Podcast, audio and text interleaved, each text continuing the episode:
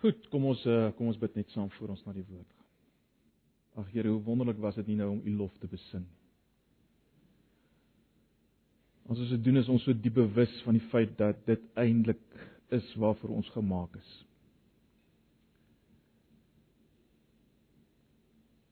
En nou wil ons vra Here dat u met ons sal praat deur u woord en die werking van die Gees. Jy sodat ons nog meer u lof so kan besing. u kan verhoog, kan oplig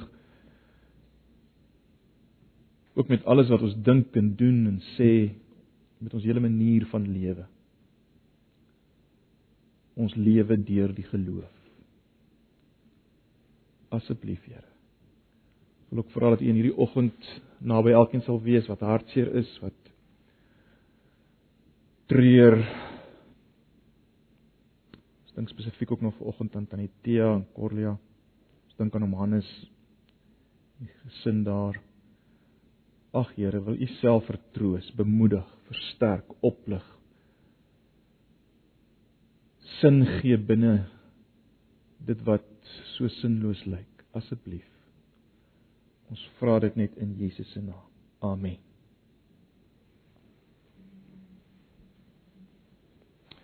Goed, ons is besig met die boek Habakuk, soos julle weet. Volgens gaan ons saam lees net vers 12 tot 14. Dis die volgende sogenaamde wee of ellende uitspraak. Dis alweer daar so vyf van sulke uitsprake en ons lees net hierdie een nou, dis die een na wat ons skryf vanaf vers 12 tot 14. Ek lees maar die 2020, maar uh, dit dit maak nie regtig saak watter vertaling jy gebruik nie. Wee of ellende gebruik die 83 vertaling. Wee hom wat stede bou met bloed en dorpe vestig met onreg. Kyk, is dit nie die Here heerser oor alle magte wat dit beskik dat volke hulle afsloop vir wat opgaan in rook en nasies hulle self moeg maak vir niks nie. Ja, die aarde sal gevul word met die kennis van die heerlikheid van die Here soos water die see oordek. Ons lees net tot daar. Hoe moet ons leef as niks rondom ons sin maak nie, as ons oorweldig is deur die ongeregtigheid, die goddeloosheid rondom ons. En meer nog, as dit wat God doen, binne dit alles nie vir ons sin maak. Hoe moet ons leef? Wel, dis die vraag waarmee Habakuk gekonfronteer is, né? Nee, ons weet dit nou al. En die antwoord kry ons in Habakuk 2 vers 4 wel, die regverdige sal deur die geloof lewe. Die regverdige is iemand natuurlik wat nie net in die regte verhouding met God kom deur die geloof nie, maar hy leef ook sy lewe deur die geloof. Drie maal in die Nuwe Testament word daardie vers aangehaal uh, in hierdie verband. Uh die regverdige deur die geloof sal lewe of sal lewe deur die geloof uh op verskillende maniere word vertaal. Daar's net twee maniere van lewe. En is aan die een kant om te lewe deur die geloof en aan aan die ander kant om te lewe uh soos die Babiloniese ryk wat as te ware uitgebeeld word in al hierdie verse in terme van 'n trotse man of 'n sterk man of iemand wat dit doen of iemand wat dat doen. Daar's net twee maniere van leef. Of die lewe van die regverdige deur die geloof of die lewe van die een oor wie hierdie wee uitgespreek word, hierdie ellendes uitgespreek word. En dit is maar eintlik die Babiloniese ryk. Maar dis veelzeggend nie waar nie, want ons weet die Babiloniese ryk staan vir die wêreld, die wêreldsgees tot in die boek Openbaring. As daai stad met al sy glorie uiteindelik in die see gewerp word. Dis die teenpool van lewe deur die geloof. Maar goed, ons het begin kyk wat kan ons leer van wat 'n lewe deur die geloof prakties behels? Deur te kyk na die teenoorgestelde. Dit wat uitgebeeld word elke keer, elke keer in al hierdie weë. Daar's 'n sekere patroon, né? Nee. Elke keer is daar 'n doelwit wat bereik wil word. Maar die metodes wat gebruik word, die doelwit is baie keer nie verkeerd in sigself. Die doelwit wat hier bereik wil word uh deur die die trotse een, die sterke een net net soos wat jy dit wil uitdruk. Die doelwit is dikwels nie verkeerd nie. Dis 'n Godgegewe doelwit, maar die metodes wat gebruik word is verkeerd en dan uiteindelik verloor hierdie persoon alles wat hy wou bereik, verloor hy en God bring ook nog straf vir hom. En elke keer as ons na die teenpool daarvan kyk, kan ons iets leer van wat is die lewe deur die geloof en dis wat ons nou al raak gesien het. Ons het gesien ware geloof of laat ek so stel, ware satisfaksie kom deur die geloof alleen. Ware satisfaksie kom deur geloof alleen. En en julle sal onthou ons het mekaar gesê ons moenie te klein daaroor dink nie. Ons moenie wees soos die ou wat modderkoekies wil bak terwyl hy 'n vakansie by die see beloof word nie, né? Ware satisfaksie kom deur die geloof alleen. En ons het gesien ware sekuriteit kom deur geloof alleen. Ons almal soek na sekuriteit, maar ons het gesien ware sekuriteit op die einde van die dag kom net deur geloof alleen. En en dit bring werklike vreugde, hierdie lewe van geloof alleen. So kom ons kyk nou na vers 12 tot 14. Uh wat so bietjie anderste is as die as die ander verse, maar julle sal dit nou raak sien.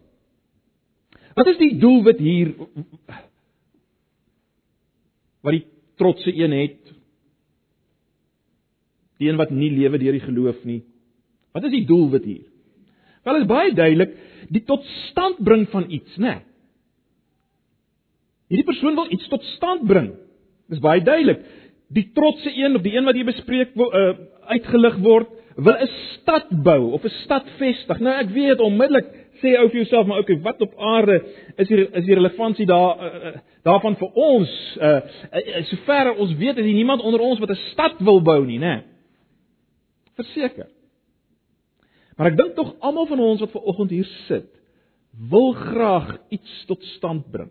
Nie waar nie? Iets bereik. Is dit nie so nie? Ons wil voel uh dat ons lewens die moeite werd was. Ons wil in staat wees om as te ware terug te kyk oor ons lewens en te sê, wel my lewe het 'n verskil gemaak. Ons kan terugkyk en sê my my lewe het 'n verskil gemaak. Deur dit wat ek gedoen het, het ek 'n verskil tot stand gebring iewers. My lewe was nie nutteloos nie, ek het 'n merk gemaak. Is dit 'n goeie begeerte? Moet ons graag 'n impak op die wêreld wil maak? Ja. Natuurlik. Verseker. Oor waarheid te sê, is baie interessant as mens daaroor dink dat God beveel die mens om 'n impak op die wêreld te maak van die begin af, né? Nee. Dink maar net aan aan dit wat hy sê vir Adam en Eva. Vermeerder, vul die aarde. Onderwerp dit, heers daaroor. Maak 'n impak in die op hierdie wêreld en in hierdie wêreld. Dis dis deel van menswees wat God gegee het. As ons kom by die Nuwe Testament, uh, in byvoorbeeld Efesiërs, in Efesiërs 2, ehm uh, in in vers 10 is dit baie duidelik dat dat gelowiges as te ware nuwe skepsels is wat gemaak is vir wat? Vir goeie werke. Dis waarna hulle moet lewe. Efesiërs 2 vers 10. Hulle moet iets doen, hulle moet 'n impak maak. Dis baie duidelik.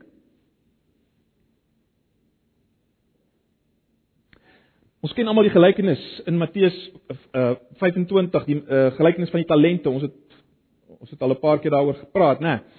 Uh die die gelykenis wat Jesus vertel van hierdie hierdie uh, bestuurder wat weggaan vir 'n ruk en dan gee hy vir verskillende ouens verskillende hoeveelhede muntstukke. En hy sê dryf daarmee handel tot ek terugkom. En die hele klem of die hele punt in die in in die gelykenis is dat almal het nie dieselfde gekry nie. Maar almal moes iets doen daarmee. En daarom die ou wat dit maar net weggesteek het en gesê het ek gaan niks daarmee doen nie. Ek gaan net dit wat ek gekry het weer teruggee. Dis die ou waaroor 'n oordeel uitgespreek word. Want die hele gedagte is daar moes wins verkry word vir die een wat dit vir hulle gegee het. Maak nie saak dat een 5 gekry het en een 2 nie. Elkeen se hande was vol met dit wat die Here aan hom toevertrou het. En hy moes wins maak daarmee. So dis maar net nog 'n gedeelte wat wys dat die Here wil hê dat ons moet iets tot stand bring, né? Dis nie verkeerd nie. Die begeerte daartoe is ook 'n God gegeerte. Soos die begeerte vir satisfaksie en die begeerte vir sekuriteit God gegeewe begeertes is. Maar ons verwring dit en sonde verwring dit tot iets wat dit nie moet wees nie en dan gebruik ons verkeerde metodes om dit te bereik. En soos ons gesien het, om deur die geloof te lewe beteken dat ek op die teenoorgestelde manier dit bereik. Maar die die die die begeerte is God gegeewe. Die begeerte vir satisfaksie, die begeerte vir sekuriteit en ook nou die begeerte om iets tot stand te bring. Die probleem kom waar soek jy die tot stand bring van iets en hoe soek jy dit? Hoe probeer jy dit bereik? Né, nee, dis die probleem. Goed, so met ander woorde, hierdie doelwit van hierdie persoon is nie verkeerd nie. Maar die middele wat hy gebruik is wat? Wel, dis geweld deur sy eie krag. Dis baie duidelik uit hierdie gedeelte. Geweld deur sy eie krag. Dis hoe hy hierdie doelwit wil tot stand bring. Vers 12 maak dit baie duidelik. wat gebruik hy? Hy bou sy stad met bloedvergieting en geweld. In ander woorde, hy wil 'n impak hê in die wêreld, maar ten koste van ander wil hy 'n impak hê.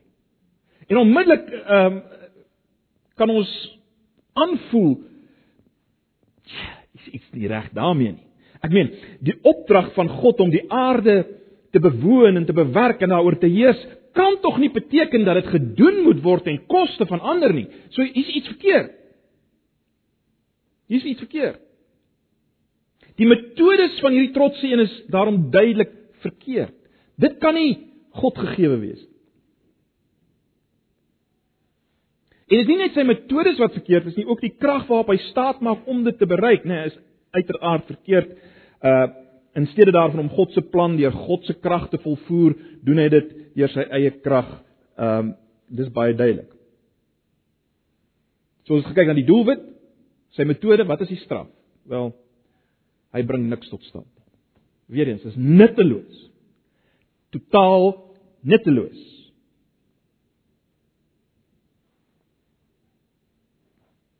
Die vers eindig, vers 13 eindig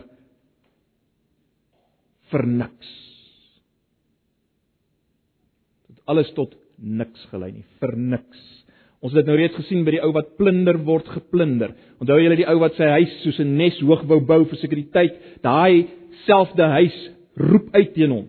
Dit kom tot niks. Hy bring uiteindelik niks tot stand nie.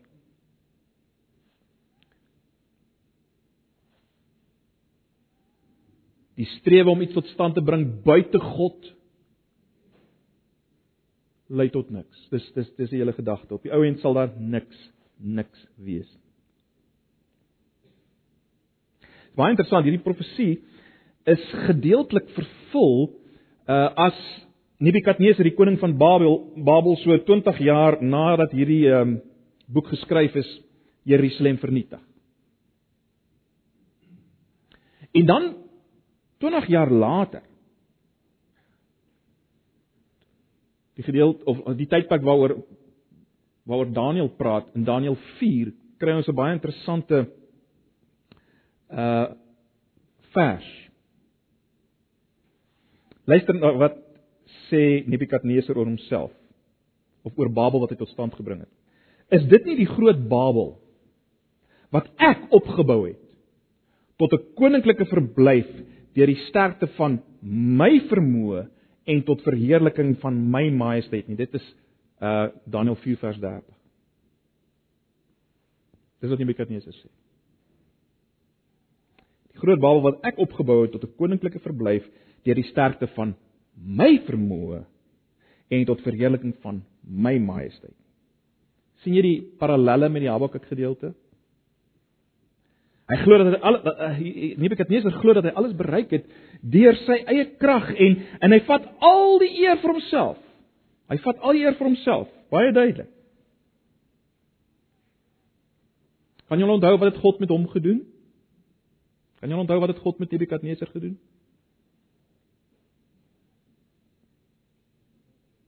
Hy word 'n psigiatriese geval, né?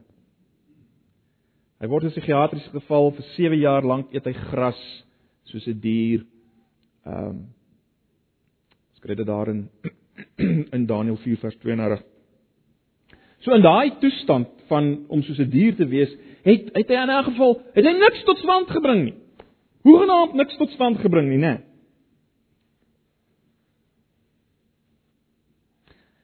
In daai stadium, op daai stadium het hy nie snars omgegee vir sy stad nie. Hy snars omgegee vir sy stad nie. Niks tot stand gebring vir sy stad. My waarheid is sê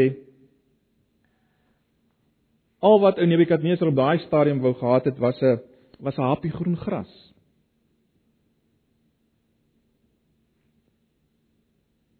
Hy bring niks tot stand nie. Goed, wat is die lesse vir die lewe deur die geloof wat ons hier kry? Wel, vers 14 is eintlik 'n uitsondering op die, op die patroon wat ons tot dusver gesien het. Ons het elke keer nou eintlik as te ware gekyk na hoe die lewe van die geloof nie is nie en dan het ons lesse geleer uit die teenoorgestelde. Hier in 'n sekere sin voorsien God vir onsself 'n les as as die vers praat van die aarde sal gevul word met die kennis van die heerlikheid van die Here soos waters die see oordek. Nou die heerlikheid van die Here of die 83 vertaling praat baie van die magtige teenwoordigheid van die Here verwys na die sigbaar wording van God se essensiële karakter En en hierdie vers sê die aarde sal uiteindelik gevul word met die kennis hiervan. Met die kennis van God se karakter soos dit gesien word in sy handelinge, soos dit gesien word in sy teenwoordigheid, né? Nee, ons weet uh as ons kyk na 'n Psalm soos Psalm 19 uit God se se handewerke word sy heerlikheid gesien, sy essensiële karakter. Maar dit word ook gesien in sy teenwoordigheid. Mense dink aan in die Ou Testament in sy teenwoordigheid in die in die in die tabernakel en die tempel is is sy heerlikheid gesien. En uiteindelik weet ons dat dat die heerlikheid van God word sigbaar in Jesus, die een wat mens word, as God mens word in Jesus in wat hy doen, in sy optrede, in alles sien ons die magtige teenwoordigheid van God of die heerlikheid van die Here. En nou sê hierdie vers dat die die kennis hiervan, die kennis van hierdie heerlikheid van God sal die aarde vul soos die waters van die die waters die seebodem vul. Nou vir die aarde om gevul te word met die kennis van die heerlikheid van die Here, wat moet gebeur? Wel, die aard van die saak Mense moet hom leer ken, klein en groot, op elke plek, elke hoekie van die aarde, van die wêreld moet hulle hom ken en hom aanbid en hom groot maak vir wie hy is en hom om die lof toebring wat hom toekom. Soos gesien in sy dade en in sy teenwoordigheid. Wat soos ek reeds gesê het, uiteindelik kulmineer in Jesus en wat hy doen.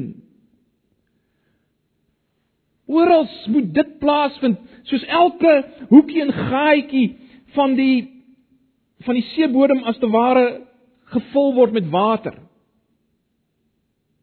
So moet dit gebeur.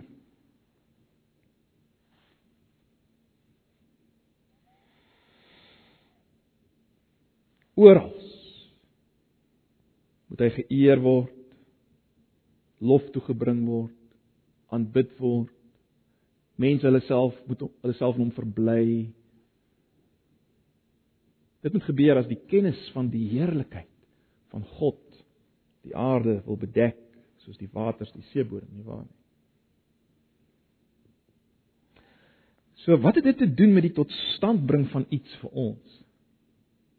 Ek sê die Here gee vir ons reeds hier 'n antwoord op op hoe iets waarlik tot stand gebring word. Wat het dit wat het hierdie gedeelte te doen daarmee?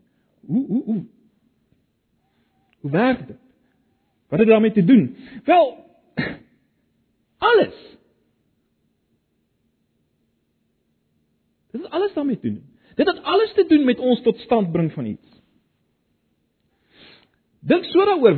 In die lig van hierdie vers, wat is die grootste ding wat denkbaar bereik kan word?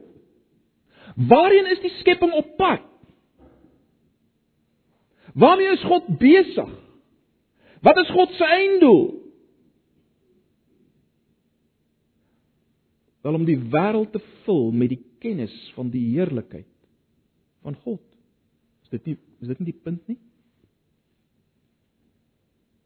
Dis die hele doel van die skepping. God moet bekend gemaak word oral. Sodat hy oral geken en geëer kan word. So wat het dit te maak met ons? Wel, die punt is en ons het al baie daaroor gepraat nie waar nie. Die punt is ons, ek en jy is sleutelspelers in die totstandkoming hiervan. In die totstandkoming van 'n ken van die heerlikheid van God. Ons is sleutelspelers daarin. Deur Jesaja sê God, ek sê vir die noorde gee, vir die suide moet hulle nie terughou nie. Bring my seuns van ver af, my dogters van die uithoeke van die aarde af, elkeen wat na my naam genoem word, elkeen wat ek geskep het tot my eer. Wat ek gevorm het, wat ek gemaak het. Jesaja 43 vers 6 en 7. Dis my en jou doel, dis ons roeping. Ons is ons is daar vir sy eer.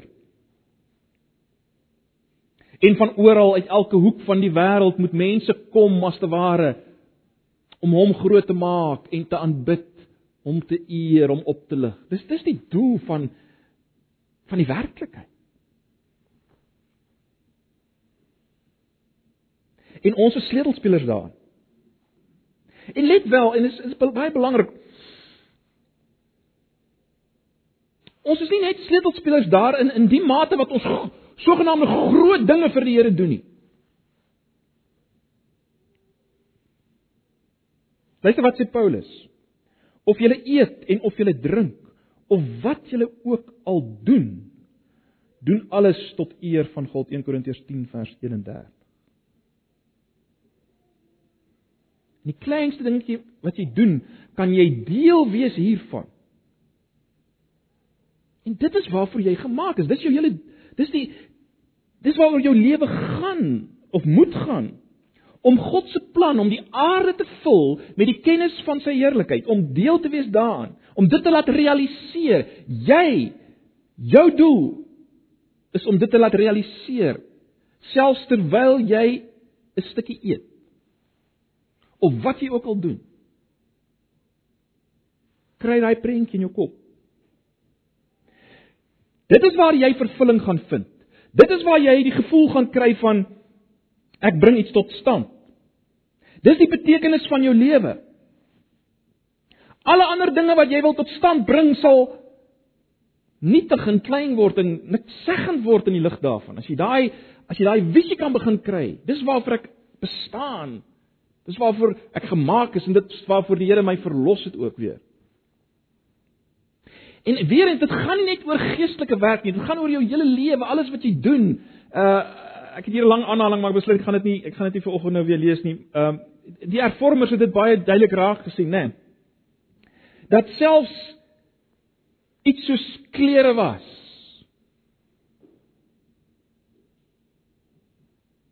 is iets wat gedoen kan word vir God en vir sy eer. En en en dis nie minder waardig teenoor die ou wat preek nie. As ek dit so kan stel. Die hervormers het dit duidelik gemaak. Daar's eintlik nie 'n onderskeid. As dit kom by by die eer van God en dinge wat gedoen word tot die lof van God, is daar nie 'n onderskeid tussen die ou wat preek regtig en die en die vrou wat klere was nie. Alles alles is vir die oplig en vir die vermeer vir die oplig van God, die vermeerdering van die kennis van die heerlikheid van God. So wat is die lesse van of die lesse vir die lewe van die geloof wat ons verder hier uit kan kan leer uit dit uit. As as dit is hoe iets tot stand gebring word. Wat is die lesse vir geloof wat ons hier uit sien? Wel ek dink daar's 3 daar's 3 verkeerde houdinge wat ons kan inneem in ons lewe wat wat nie dui op 'n lewe deur die geloof nie. Daar's 3 ingesteldhede of houdinge in die lig van wat ons nou gesien het wat dui op 'n lewe wat nie deur die geloof gelewe word nie. Die eerste een klink so. Ek het hard gewerk. Ek het probeer om God te dien, om 'n impak te maak. Maar ag, ek het niks bereik nie. Alles is sinneloos, is nutteloos, my werk is waardeloos. Nou, ek weet ek weet dit baie goed dat omstandighede roep dikwels tot hierdie konklusie as ek dit so kan stel, né? Nee. Uh meestal laat God ons nie die impak van dit wat ons doen sien nie. Ons sien dit net eenvoudig. Maar baie belangrik. As Christene mag ons nie onsself evalueer op die basis van resultate nie. Dis wat ons almal geneig is om te doen. Moenie jouself evalueer op die basis van resultate nie. Evalueer jouself in terme van getrouheid aan God se roeping om die kennis van sy heerlikheid te laat versprei. Dis waarna jy jouself moet evalueer. En dit vat natuurlik geloof, né? Vertroue. Ek kan dit nie sien nie.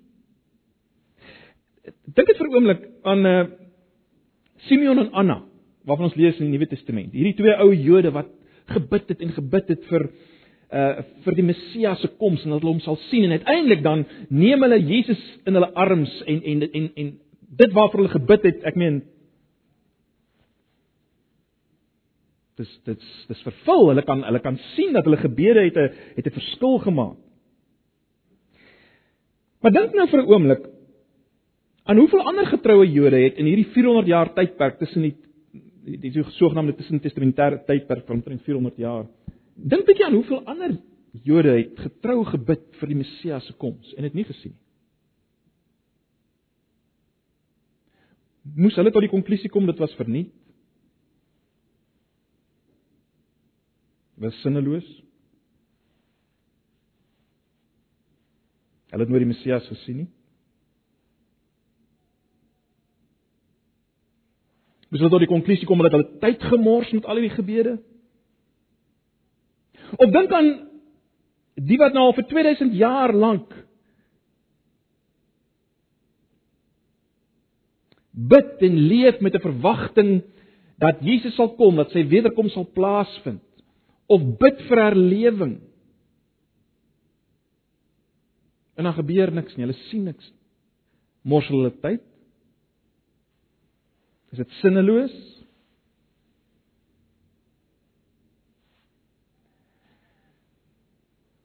Al broers en susters, as ons lewe deur die geloof, dan moet ons mekaar sê nee uit God se perspektief.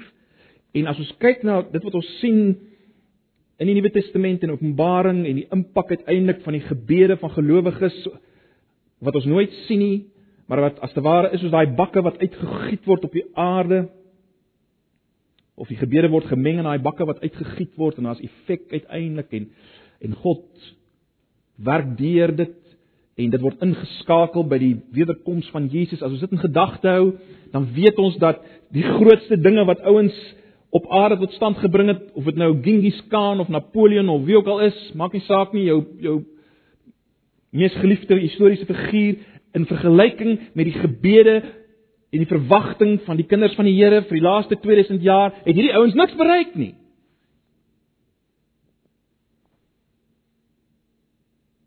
Maar jy moet dit deur geloof vat. Kan dit nie sien nie.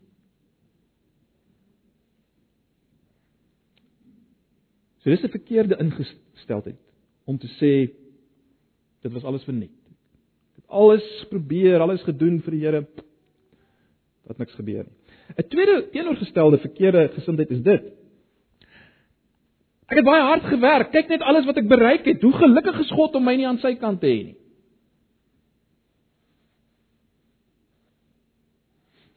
Nou dis min of meer die houding wat Nebukadneser gehad het, nê? Nee, die ou wat uiteindelik niks tot stand gebring het nie en wat net verlang het na 'n stukkie groen soet gras as psigiatriese geval. Dit was sy houding geweest. Nou, baie van ons is nie so blaatant nie, maar op subtiele maniere kan ons in die versoeking val om so te dink, né? Nee. God moet dan op bly wees om my aan sy kant te hê. En en dit word sigbaar as ons baie keer ons merk wil maak op iets en en seer gemaak voel as ons nie genoeg erkenning kry vir die ding wat ons nou tot stand wil bring. Miskien sê jy maar ok Jakobus, wat is verkeerd daarmee? Want jy het nou net gesê God wil, wil hê ons moet iets tot stand bring vir hom. Wel die houding maak die verskil, né? Nee. Die hele die hele ingesteldheid, die houding maak 'n verskil. Kom ek gebruik 'n voorbeeld om dit dalk 'n bietjie duideliker te maak.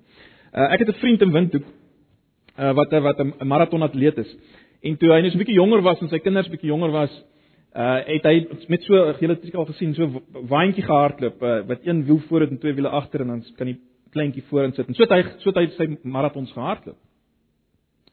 Nou stel jou voor hierdie ouetjie sit voor in die waantjie en En as hulle as hy eers oor die streep gaan, dan roep hy: "Yes, ek het gewen! Ek het gewen!" Wel.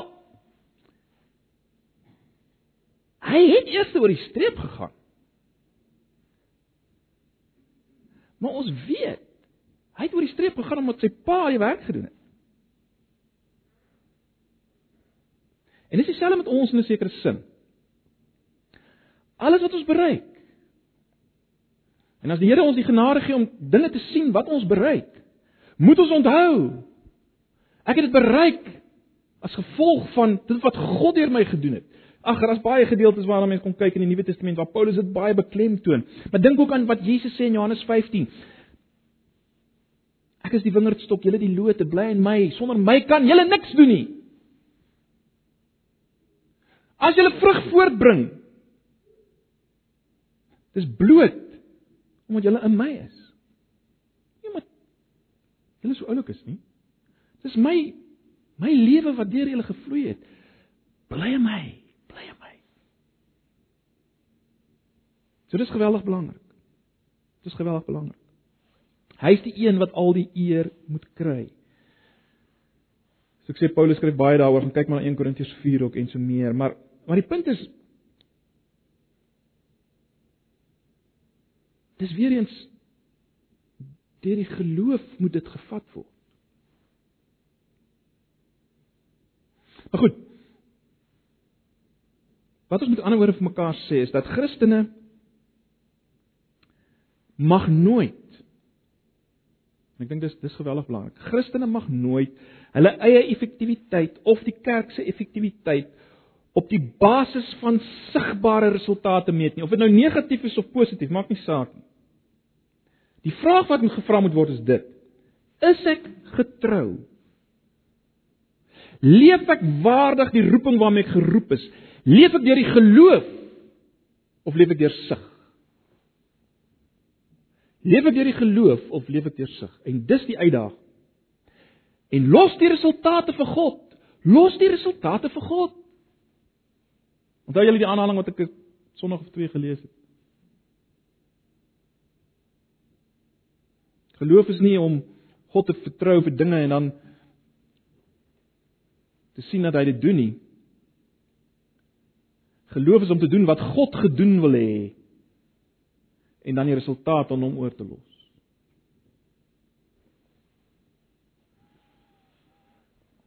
Los die resultate vir God. Onthou, hy is die een van wie van wie ons uiteindelik moet hoor mooi so goeie en getroue dienskneg of nie van hom wat ons dit moet hoor, nie van enigiemand anders. Dis van hom wat ons dit moet hoor. Dis van hom wat van wie jy dit gaan hoor. So seker soos jy hier sit en ek hier staan. En dis geweldig. Net 'n derde en laaste verkeerde houding baie vinnig.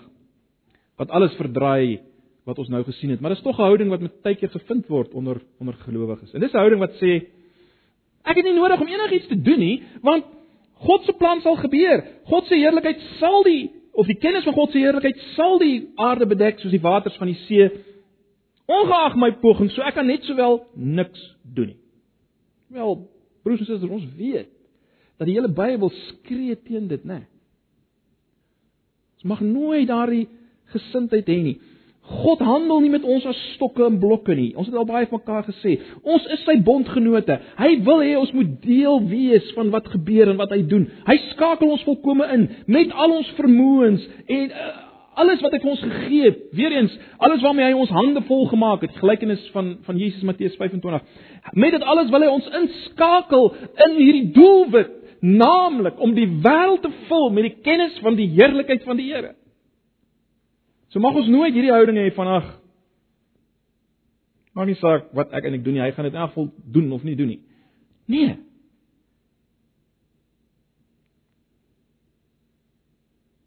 Hy skakel ons in. Hy gebruik ons as mense. Hy hanteer ons nie as marionette. Dis nie maar ons is nie maar net soos uh, jy weet ja, soos marionette, dis ons speel maar net, want eintlik dis eintlik hy wat dis nie eintlik dis nie Nee, hy skakel ons in. Dis die wonder daarvan. Ons is sy bondgenoot, hy skakel ons in. Ons is volledig ingeskakel. Broers en susters, ek sluit hiermee af. Om te lewe deur die geloof. Om te lewe deur die geloof is om oortuig te wees dat ek iets geweldig tot stand bring. Die grootste ding wat tot stand gebring kan word. Deur bloot getrou te wees selfs in die kleinste dingetjies. As ek as ek fokus op die eer van God en hom wil groot maak, dan bring ek iets tot stand wat groter is as wat die grootste figure in die geskiedenis gedoen het. Deur geloof te lewe. Onthou dis geloof, ek sien dit nie. Om deur die geloof te lewe is dit om oortuig te wees. Onthou Romeine ag uh, Hebreërs 11, nê? Nee, geloof is om oortuig te wees van die dinge wat ek nie sien. Geloof is om oortuig te wees dat ek die grootste ding ontdeel het aan die grootste ding wat kan tot stand gebring word, naamlik die vol van die wêreld met die kennis van die heerlikheid van God. Selfs as ek klein dingetjies doen in getrouheid aan hom. Ag, mag die Here ons help om om so te leef en so te begin leef. Broers en susters, is dit nie is nie geweldig bevredigend om dit te weet nie. Vervullend om dit te weet. Vertroostend om dit te weet. Mag die Here ons hiermee help. Kom ons sluit af. Ag Here, dankie vir u woord. Here, u ken ons as ons hier sit. U ken my. U weet hoe ons sukkel om te lewe deur die geloof. Geloof in u self en u beloftes. Ons is omring deur sigbare dinge. Ons leef in 'n wêreld wat ingestel is op die sigbare. En dit is vir ons moeilik om te leef deur die geloof. En daarom wil ek bid vir myself en vir my broers en my susters dat U ons sal help. Ag Here, om te lewe deur die geloof en te weet dat die ware tot standbringing van iets kom deur geloof. Nou die genade van ons Here Jesus en die liefde van God en die gemeenskap van sy Heilige Gees met julle elkeen wees terwyl julle deur die geloof gaan lewe ook in hierdie week. Amen.